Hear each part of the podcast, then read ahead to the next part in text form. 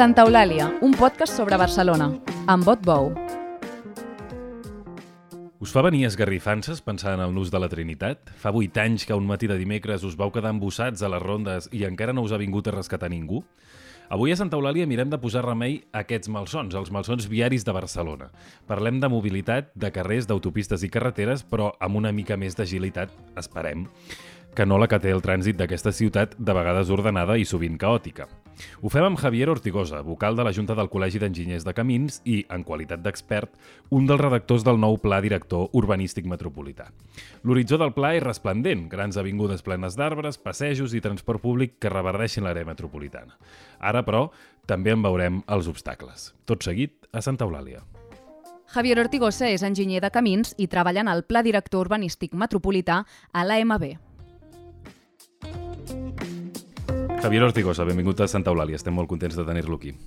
Bon dia, moltes gràcies per convidar-m'hi. Avui parlarem, tractarem unes qüestions que segons com poden semblar una mica denses, oi? però intentarem fer-les amenes i fer-les uh, i fer-les una mica fluides.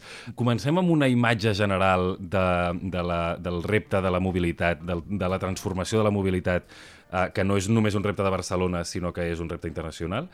Uh, com, com, com està aquest debat arreu del món i en el cas concret de Barcelona, quins punts forts tenim i quins punts febles tenim? Bé, a mi m'agrada començar dient que la mobilitat eh, no és una finalitat en si mateixa, sinó que és un bé intermig. És a dir, nosaltres fem la mobilitat perquè volem accedir a, a llocs. No? I això ens porta a que el nostre model de territori, eh, econòmic, social, a les ciutats s'hi concentrin més coses com que s'hi concentren més coses, també hi ha més eh, demanda de, de mà d'obra i, per tant, eh, i tenen un efecte, no? hi ha unes economies d'aglomeració a les ciutats i tenen un efecte, crida, diguéssim, que xuclen eh, gent, diguéssim, a nivell eh, diari per activitats econòmiques, però també per grans equipaments, tipus una universitat, un gran hospital, etc. Això, eh, a més, fa eh, que durant molts anys eh, ens hem desenvolupat, les últimes des dels anys 50-60, amb un model molt basat en el cotxe i en la infraestructura viària. El cotxe et dona una eh, individualitat molt gran i et permet escampar-te molt per al territori. I la gent s'ha escampat bastant basat en aquest model. Amb la qual cosa tenim uns fluxes molt cautius captius que entren i surten cada dia de les ciutats centrals no?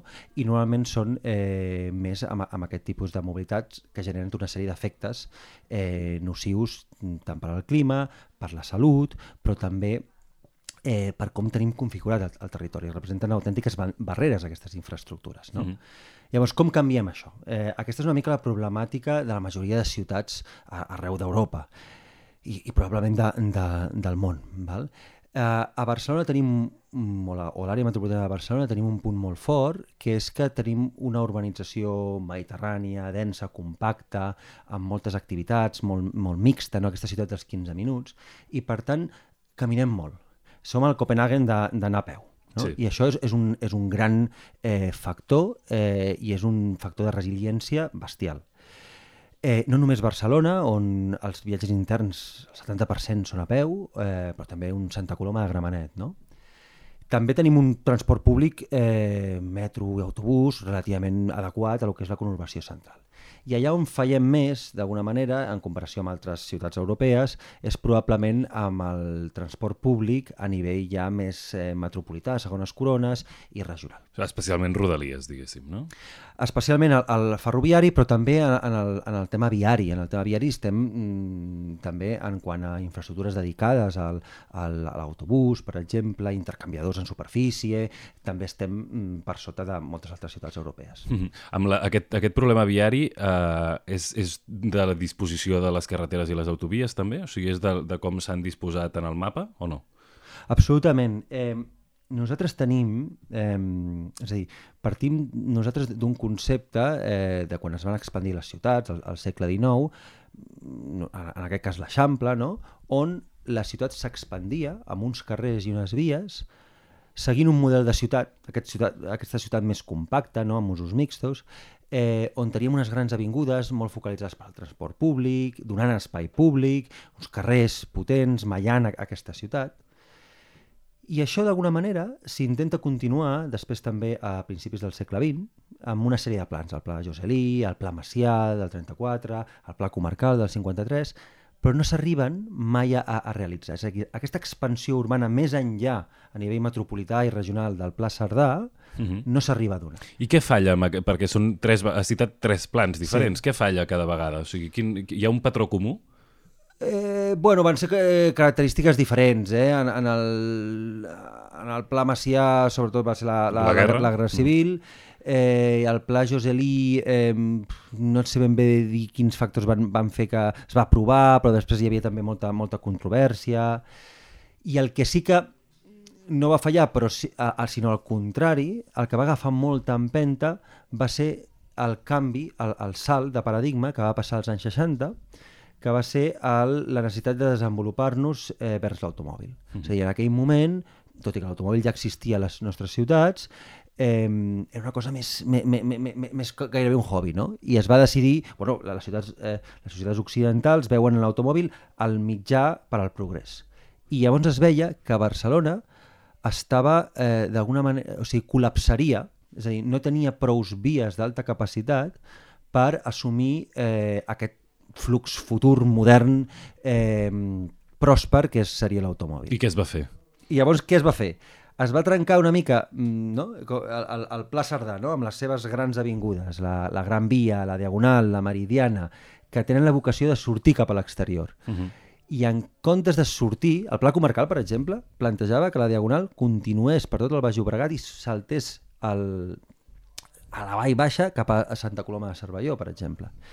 Però, en canvi, es va fer una altra lògica, una lògica regional, eh, a nivell de, de, de, de, de regió, però també de país, inclús europea, de com aquestes xarxes segregades, aquestes autopistes, connectaven amb Barcelona. No? I llavors eh, tenim una, un plantejament de tenir una autopista que s'en- s'endolla, diguéssim, directament a la Diagonal, una altra a la Meridiana, una altra a la Gran Via, a banda i banda. General Mitre, Via Júlia, tots aquests llocs també, o no tant?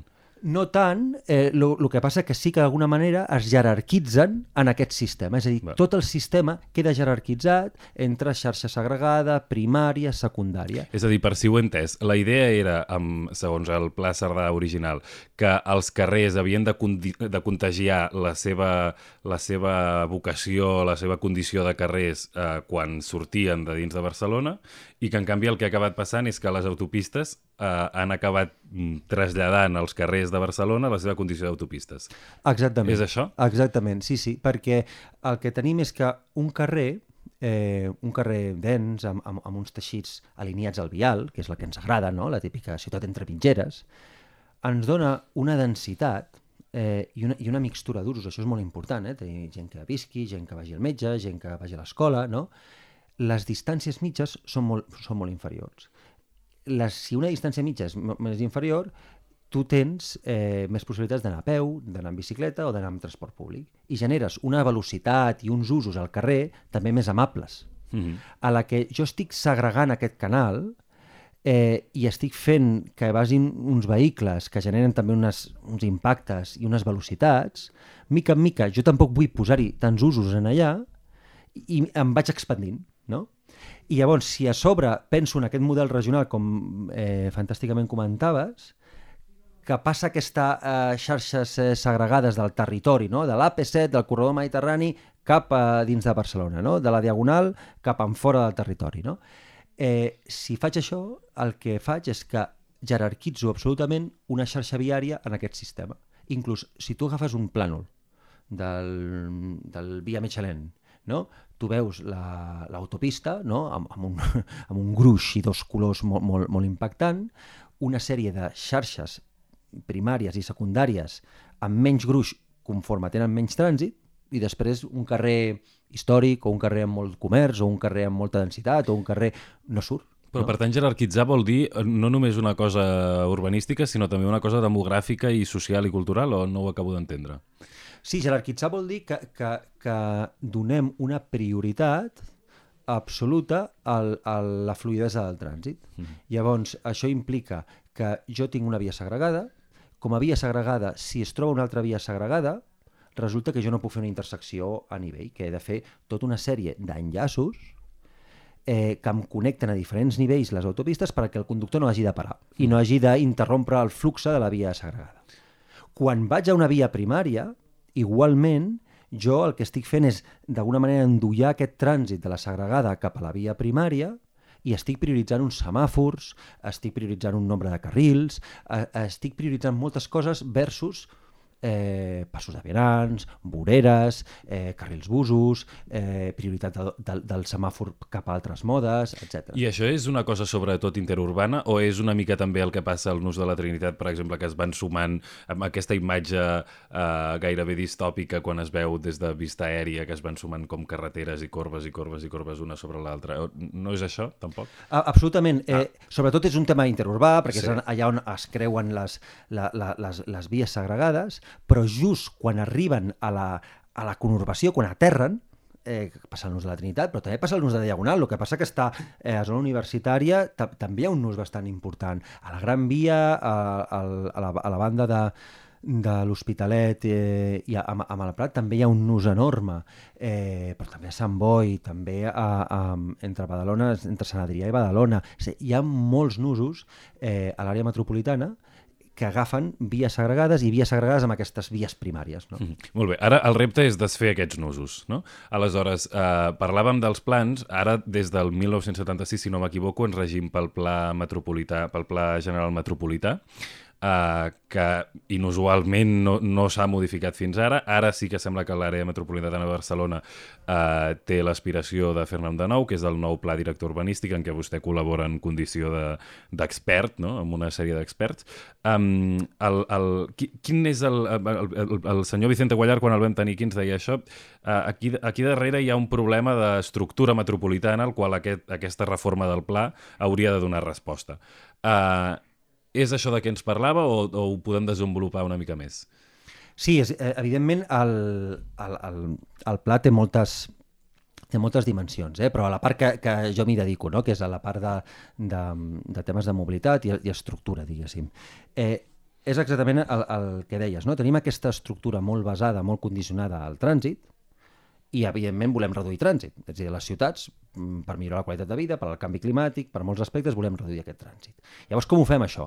Eh, el que dèiem, trens, d'acord, eh, autobusos, d'acord, però a banda necessitem també, si diem que caminem molt dins de Barcelona, però quan arribem a un punt ja deixem de caminar perquè trobem unes barreres, necessitem realment tenir una estructura a nivell de ciutat però metropolitana, perquè quan parlem de ciutat metropolitana parlem d'infraestructures, en comptes de parlar d'avinguda. És a dir, que la gent comenci, pugui caminar ininterrompudament Exactament. des de les zones de l'àrea metropolitana fins al centre de Barcelona. És a dir, l'àrea metropolitana, eh, com a ciutat, diguéssim, en extensió i en població és exactament igual que Madrid.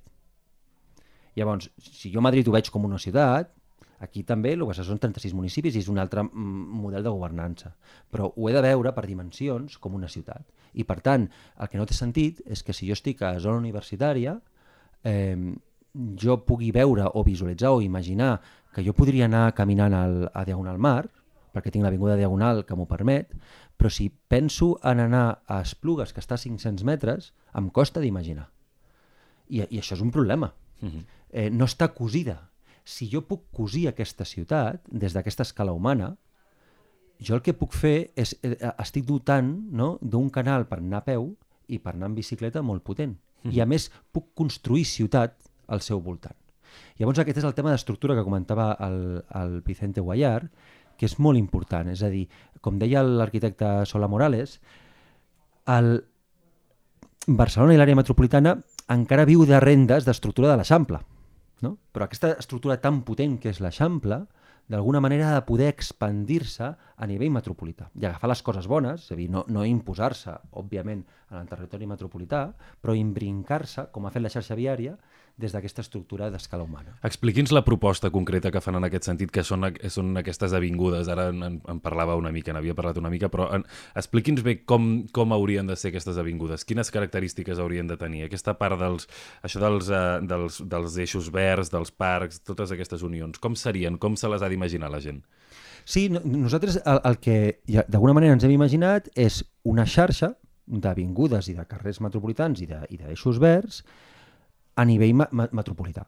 És a dir, eh, ara mateix no, tothom veu no, com una gran via eh, o com una avinguda diagonal o com una avinguda meridiana són grans avingudes dins de Barcelona. però aquestes, a la que surten de Barcelona, es transformen en autopistes. Nosaltres, bàsicament, el que volem és que aquestes avingudes puguin continuar no? eh, per, per, per l'àrea metropolitana. I quines característiques, característiques han de tenir? Són enormement heterogènies. Aquí ja no tenim una de les dificultats, m'ha vingut al cap, perdona, que em comentaves abans d'implementar certs plans, per exemple, el Pla Macià, mm -hmm. era molt invasiu. És a dir, Le Corbusier deia, jo vull fer una gran via recta que em vagi cap a la, cap, fins a la ciutat del Repòs planificada de Gavà, però es carregava tres blocs de l'Eixample en tota la seva longitud. Era, eren plans molt invasius també, no? i també reconfigurava tot Ciutat Vella, és a dir, que encara que no hi hagués hagut la Guerra Civil, probablement no s'hagués realment eh, pogut aplicar. És I altre, altres ciutats han fet plans invasius d'aquesta mena? O realment és una cosa que era pecava d'idealisme? Eh, jo crec que, que, que, que també ha passat una mica similar a, a moltes altres ciutats, és a dir, que els grans plans expansius es van fer al segle XIX mm. en quant a urbanitat, com, com un París, per exemple, eh, però que després, sobretot els grans mm, plans expansius del segle XX venen de la part de les infraestructures viàries. Mm -hmm. val? Llavors, eh, al final, el, el sistema d'avingudes, l'únic que volem és uns carrers on tinguin una vorera, on tinguin un carril bici, on puguin ser una prioritat per al transport públic, que puguin haver-hi haver cotxes també, eh? no, no estem negant, és a dir, el futur continuarà, continuarà havent-hi cotxes, no? eh, que puguin ser, tenir una prioritat per al transport públic, que tinguin un espai públic de qualitat, és a dir, verd, permeable, arbres, no? un, un, un lloc que sigui agradable d'estar, i que, a més, puguin tenir ciutat al seu voltant. No? Perquè això és un problema, és a dir, jo la que és dir, imagina que jo em carrego un nus d'una autopista, no? eh, però jo no poso ciutat en allà.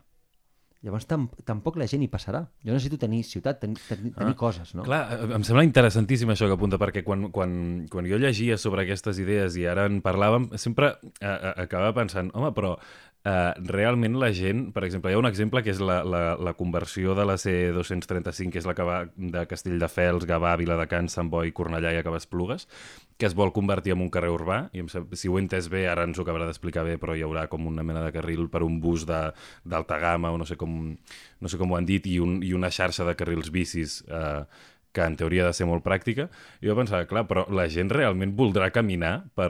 Sembla una pregunta molt simple, però mm, ostres, la gent voldrà caminar per aquests espais, per aquestes grans avingudes? La, si, si reconvertim el nus de la Trinitat en una amb un gran passeig en què hi hagi arbres, només pel fet que hi hagi arbres, la gent voldrà passar per allà?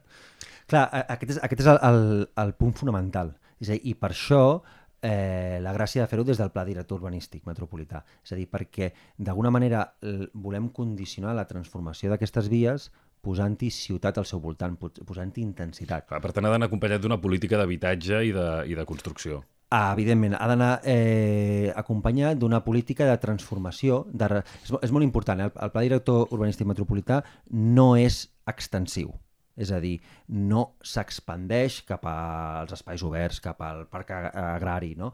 sinó que és de reciclatge, de transformació dels teixits existents. Val? Llavors, si jo sóc capaç de posar més densitat al costat de vies on tinc un, puc tenir un transport públic potent, puc tenir unes voreres potents, uns carrils bici eh, amples, jo d'alguna manera estic sent eh, molt més sostenible perquè els viatges es poden servir millor amb mobilitat sostenible i queden més acotats no? per distància eh, en, aquesta, en, aquesta, en aquesta via. No? Mm -hmm. El cas que comentaves de la C245, eh, sí que és veritat que ja passa per, per uns nuclis, eh, com, com són els de, els de Sant Boi, els de Viladecans, Gavà i Castelldefels, però li falta, eh, eh, en certs punts, no?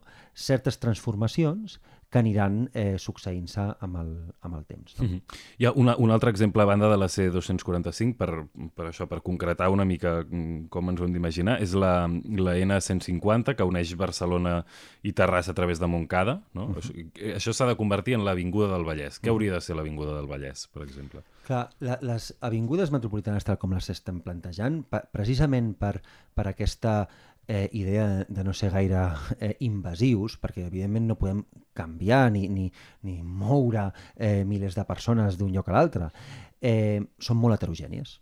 I per tant, la Nacional 150 o la C245, com comentaves, o el que eh, comentem que el que, el, el que es diu és la, el camí, l'antic camí RAL, eh, que és la Nacional 340, val? Mm. Uh, a vegades tenen, són molt diferents que una diagonal o una, o una gran via. Tenen seccions molt més estretes. No? Llavors, com que tenen seccions molt més estretes, eh, doncs, probablement tot no hi pugui passar. No? no podràs tenir dos carrils de cotxe per cada direcció, un carril bus dedicat per cada direcció, eh, un voreres de 5 metres, no? sinó que hauràs de complementar coses. No? Llavors, el cas de la Nacional 150 és molt paradigmàtic perquè tens eh, una, una via no? que, que uneix Cerdanyola eh, i Montcada i que està en un territori bastant central i que després passa cap a, cap a Barberà, però, per altra banda, eh, aquesta via queda, d'alguna manera, segrestada, entre cometes, entre dos grans enllaços viaris. Un és el del Baricentro, que és eh, tot l'enllaç viari entre l'AP7 i la C58, i la Nacional 150 passa a formar part de tot aquest eh, espagueti. No? Nosaltres no, no ens estem... És important dir que nosaltres no volem carregar-nos tots els nusos per al fet de carregar-nos els nusos viaris. Nosaltres el que volem és possibilitar la continuïtat de les avingudes. Per tant, per exemple, en l'ús de Baricentro, Uh mhm. -huh. no, no està en carregar-se el nus de, entre la P7 i la C58, que són dos vies segregades que hem de protegir, diguéssim, i, i, i, i que són molt importants. Simplement que aquesta Nacional 150 pugui creuar d'un lloc a l'altre des d'aquesta visió d'urbanitat. I passa exactament el mateix amb aquesta Nacional 150 quan arriba, quan entra eh, per, des de Montcada cap a, cap a Barcelona, que passa per Vallbona, i llavors eh, es fusiona, diguéssim, amb, amb, amb la C-17 i entra per l'Avinguda Meridiana. Nosaltres tampoc ens volem carregar el nus de la Trinitat. Simplement diem, home, aquest enllaç, que seria la C-17, és a dir, quan sortim per la, per la Meridiana, arribem allà a aquell punt que, que sí, sí, aquella sí. enredadera eh, que fica benvinguts a Barcelona.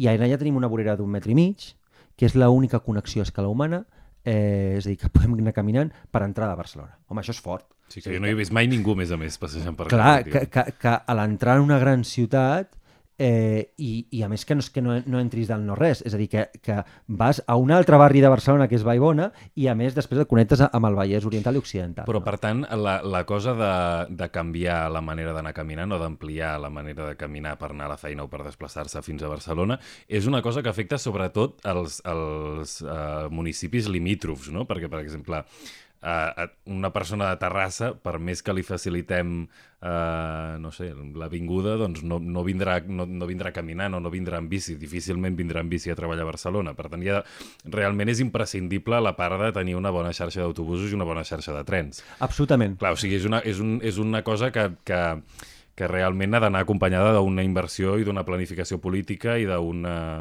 No? Sí, sí, no, absolutament, però, però aquí dos, dos conceptes. Eh? Un, que evidentment les avingudes també el que fan és aportar aquest canal per al transport públic en superfície potent, és a dir, que si nosaltres som capaços de transformar aquest ramal de la C-17 doncs, i connectar-lo amb la Nacional 150, doncs probablement poguéssim tenir un autobús cada 7 minuts no? que, que vertebra eh, Cerdanyola, Barberà, Montcada i que arriba a Barcelona no? i que arriba a la Sagrera, per exemple. No? Però a banda, eh, que és una mica com la típica paradoxa, no? quan algú diu eh, bueno, el tramvia, per exemple, eh, ningú anirà des de Cornellà fins al Besòs. D'acord? És a dir, una línia de transport públic no és tant la gent que va d'un extrem a l'altre, sinó és totes les interconnexions que es fan al seu voltant. Per tant, si jo faig una, uh, una avinguda i jo creo, per exemple, uh, aquesta mm, sortint de la Meridiana cap a la connexió cap a la Nacional 150, que a més també passo després per el, el, molt a prop de Montcada i Forcació, que és una estació importantíssima de, de ferrocarril. Si jo sóc capaç també de posar algun ús, és a dir, tampoc és expandir molt més, però simplement estar allà al barri de Baibona i posar alguna cosa més. També és probable que algú en el futur potser treballin allà.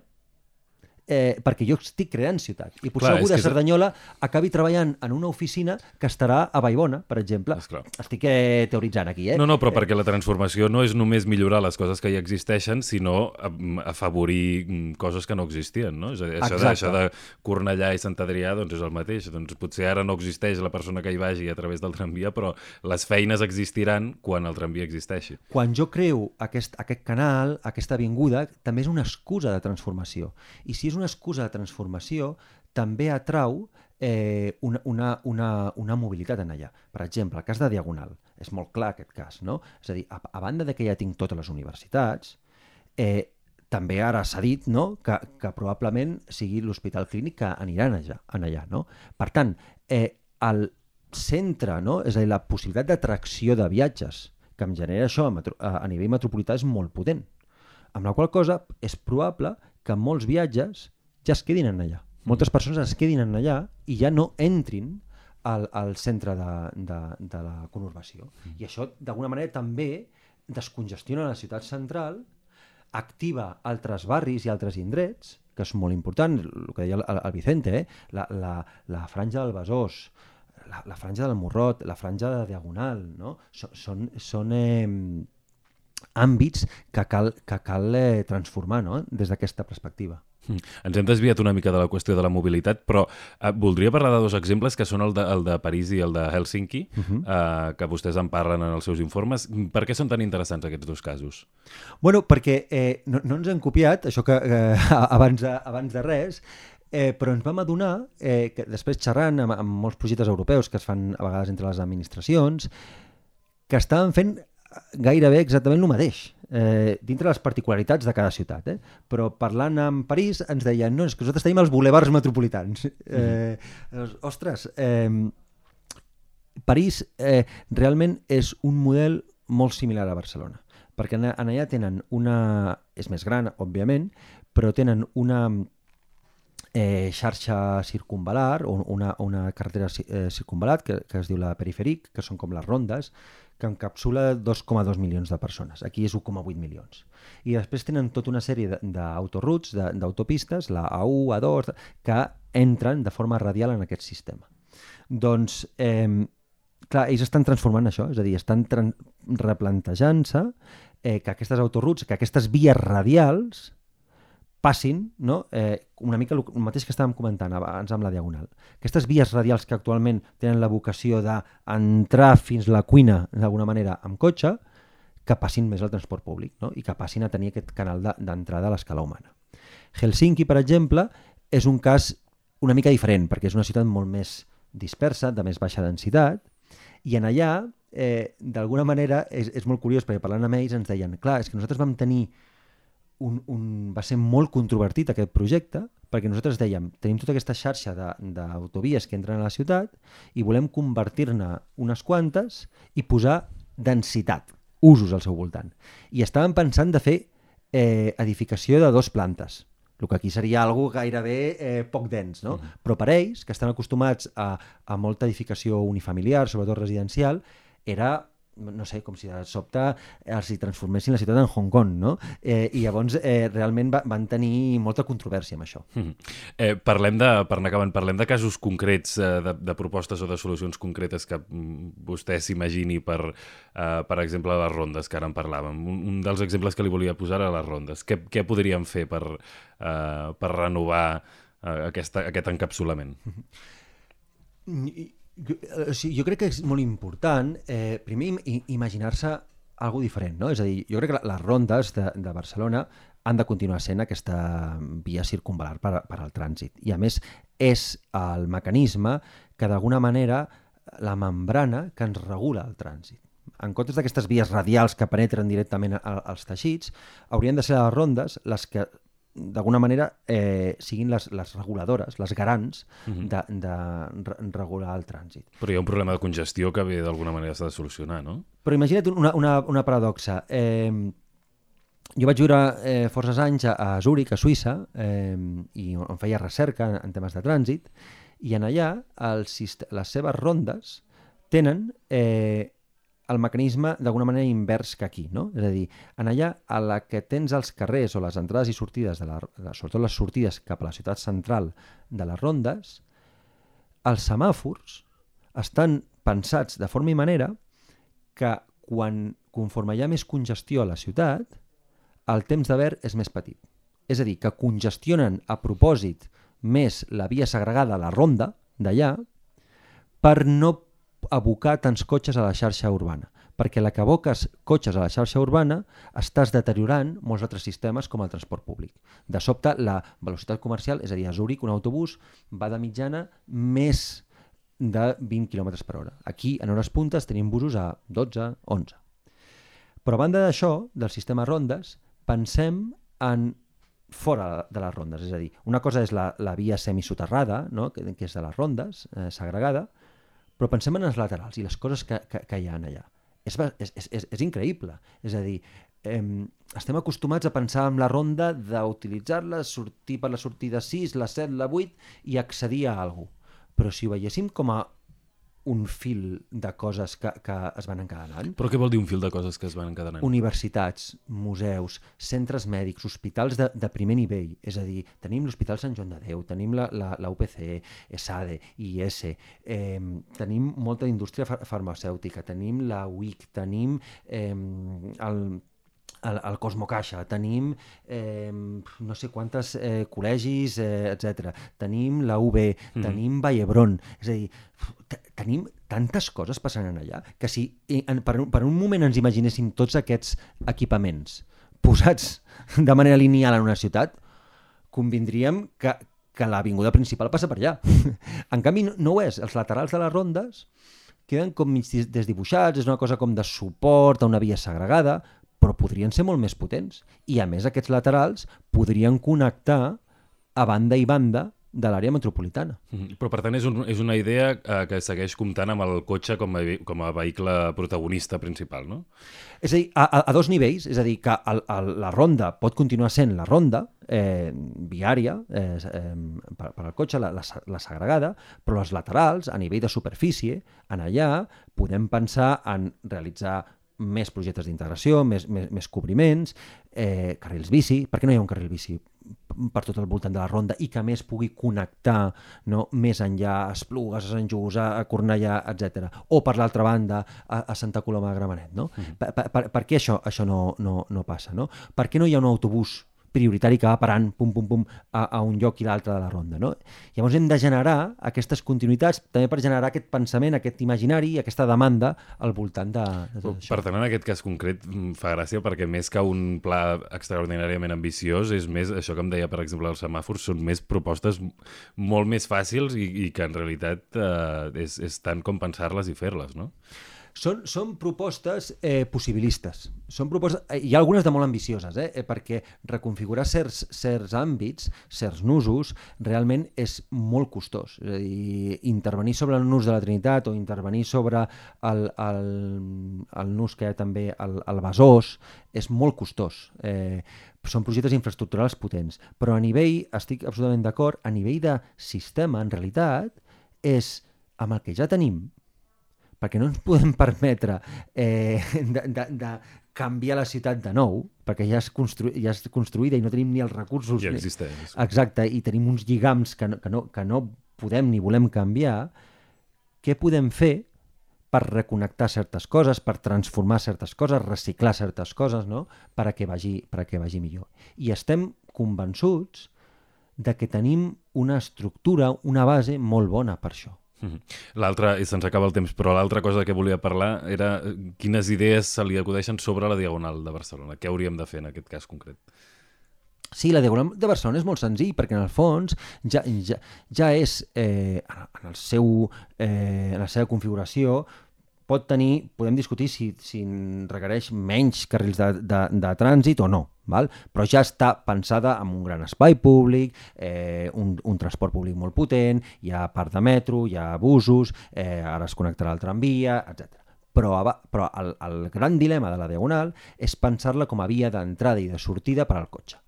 Llavors, això és el que hauria de canviar. És a dir, que la Diagonal, quan continua cap al Baix Llobregat, que es transforma en la B23, la Diagonal hauria de poder continuar i, i això coexistint amb la B23, però la B23 potser té més sentit que sigui una continuació de la mateixa ronda de dalt i que vagi estructurant a nivell de trànsit també el Baix Llobregat, però que no sigui tant aquesta entrada i sortida no? de, de cotxes, sinó que sigui una entrada i sortida de transport públic, que continuïn les voreres, que continuïn els carrils bici i que continuï la ciutat. I jo crec que aquesta és la gran, la, la gran ambició i la, i la gran... Eh, bueno, el, el, el, el canvi de configuració que podria ser la, la Diagonal. I per què no eh, aconseguir aquell objectiu que tenia el pla comarcal del 53 de saltar no, el Llobregat des d'aquesta via més, més urbana. No? Mm. Doncs amb aquestes eh, ambicions acabem. Moltes gràcies, eh, Javier Ortigosa, per venir a Santa Eulàlia. Moltes gràcies a vosaltres. Totes aquestes propostes de grans avingudes i altres que ens ha explicat tant Javier Ortigosa les podeu veure en una exposició oberta al públic fins al 10 de gener, a l'espai Mercè Sala, que és a l'enllaç entre les línies 3 i 5 a la parada de Diagonal del metro de Barcelona. Recordeu que podeu enviar-nos suggeriments i comentaris a l'adreça santaeulàlia.vilaweb.cat santaeulàlia.vilaweb.cat Moltes gràcies per seguir-nos. Santa Eulàlia és un podcast de VilaWeb presentat per Otbou amb Carles Garcia al servei tècnic i a les veus Maria Castanyer.